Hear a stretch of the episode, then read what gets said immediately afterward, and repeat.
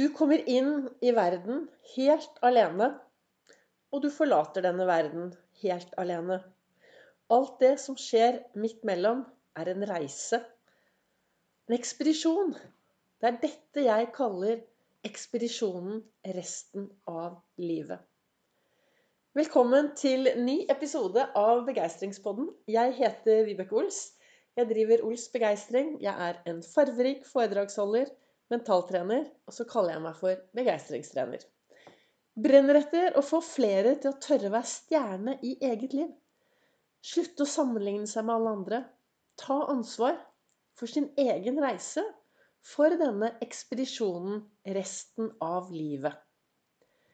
Dersom du aldri har hørt meg før, så har jeg holdt på med podkast i ett og et halvt år. Og i den første podkasten for ett og et halvt år siden, i november, så snakket jeg mye om Min reise from zero to hero i eget liv. Hvordan Ols-metoden ble til, hva jeg brenner for, og hvorfor jeg holder på med dette. Og hele desember, etter første episode, så var det én episode hver dag som adventskalender. Og hver episode var en liten bit av mitt kurs som heter Kastlås. Ok, da er vi klar for dagens episode. Ja, vi kommer altså inn i verden helt, helt alene. Og vi forlater denne verden også helt, helt alene. Og midt mellom disse to tingene så lever vi livet vårt. Vårt liv.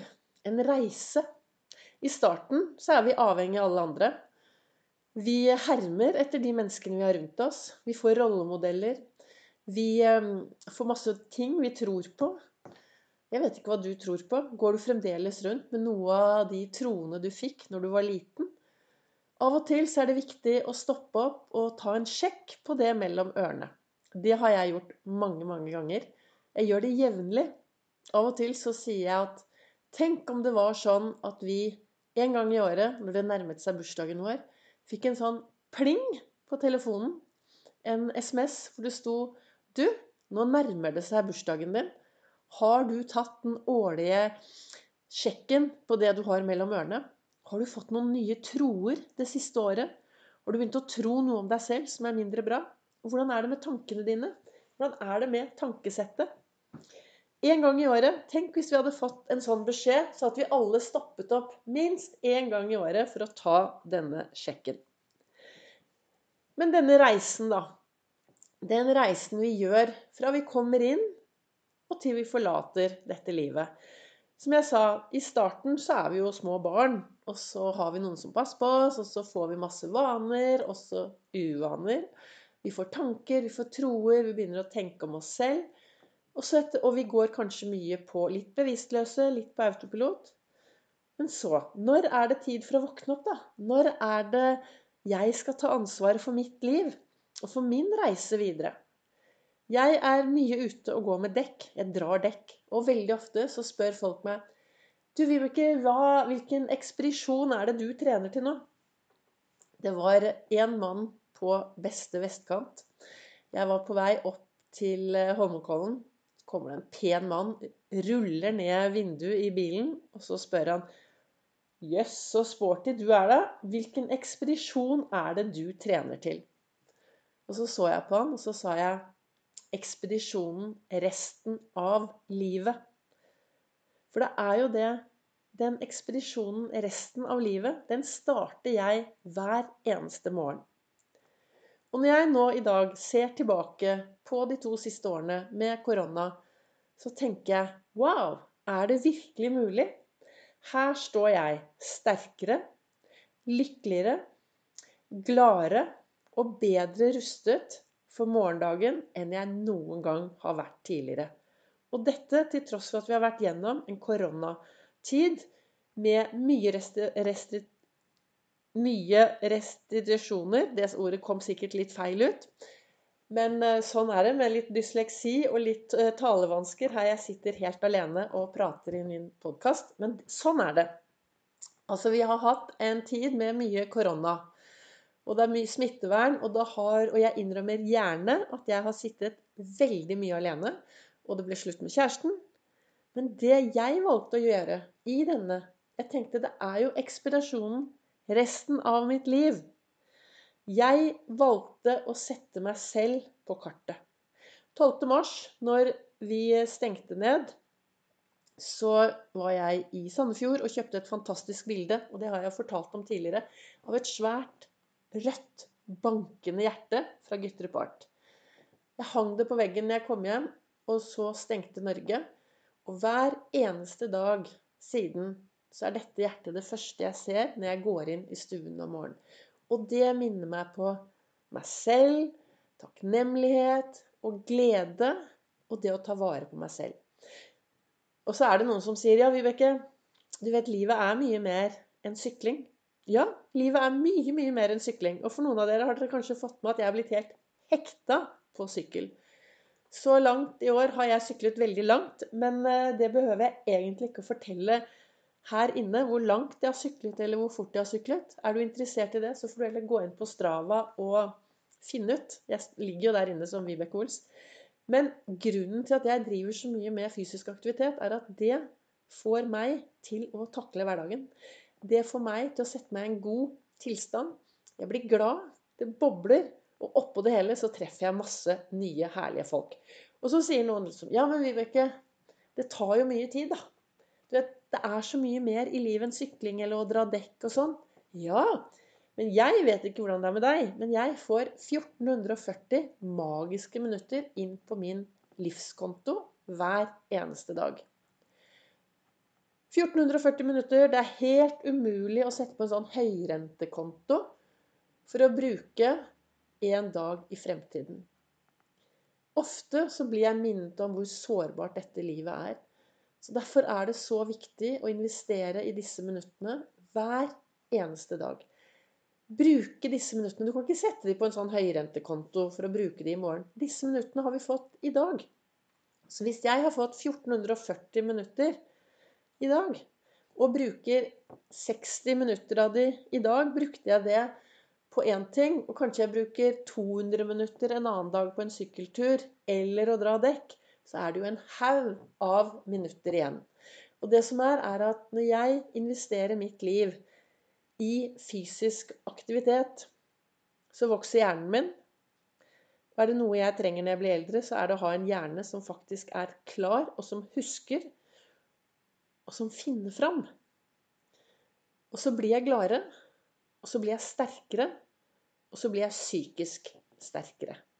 Så derfor er fysisk aktivitet blitt utrolig viktig for meg. Og nå plinger det. Jeg er jo Altså, jeg snakker jo inn denne podkasten her hjemme i stua. Og jeg hadde jo masse planer om å ha gjester, om å komme meg videre. Men så kom jo denne coviden som gjorde at alt ble litt begrenset. Så enn så lenge så sitter jeg hjemme og prater. Og Kanskje litt uproft at det kom en pling fra sidelinjen, men sånn er det med Ols begeistring. Ting kommer inn fra sidelinjen. Og hva var det jeg snakket om? Jo, jeg snakket om fysisk aktivitet, ekspedisjonen resten av livet. Og hvordan er det mulig, Vibeke, å stå så mye bedre og sterkere i skoene enn jeg noen gang har gjort før? Jo, ganske enkelt. Jeg satte meg selv 100% på dagsorden når koronaen kom. Jeg investerte i meg selv hver eneste dag. Og jeg ser nå tilbake til Det er klart at eh, for meg er det viktig å se på resultatet. Det har vært veldig mange dager hvor det har vært tøft å sitte alene.